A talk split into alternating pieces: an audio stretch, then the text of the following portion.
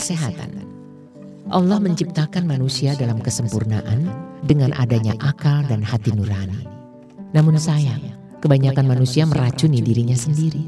Mereka mengisi paru-paru dengan asap, mengisi perut dengan makanan berlebihan dan minuman yang berbahaya, mengacaukan syaraf dengan obat tidur atau obat kuat. Allah memberi peringatan berupa sakit kepala atau tidak enak badan. Kita hilangkan dengan obat-obatan kita nyaris tidak peduli dalam merawat diri, dalam kesehatan mental. Dengan berburuk sangka, putus harapan atau kecil hati.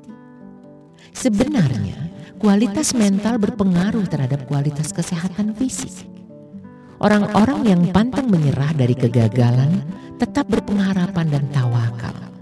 Ia tidak menyia-nyiakan waktunya untuk melakukan sesuatu yang merugikan dirinya.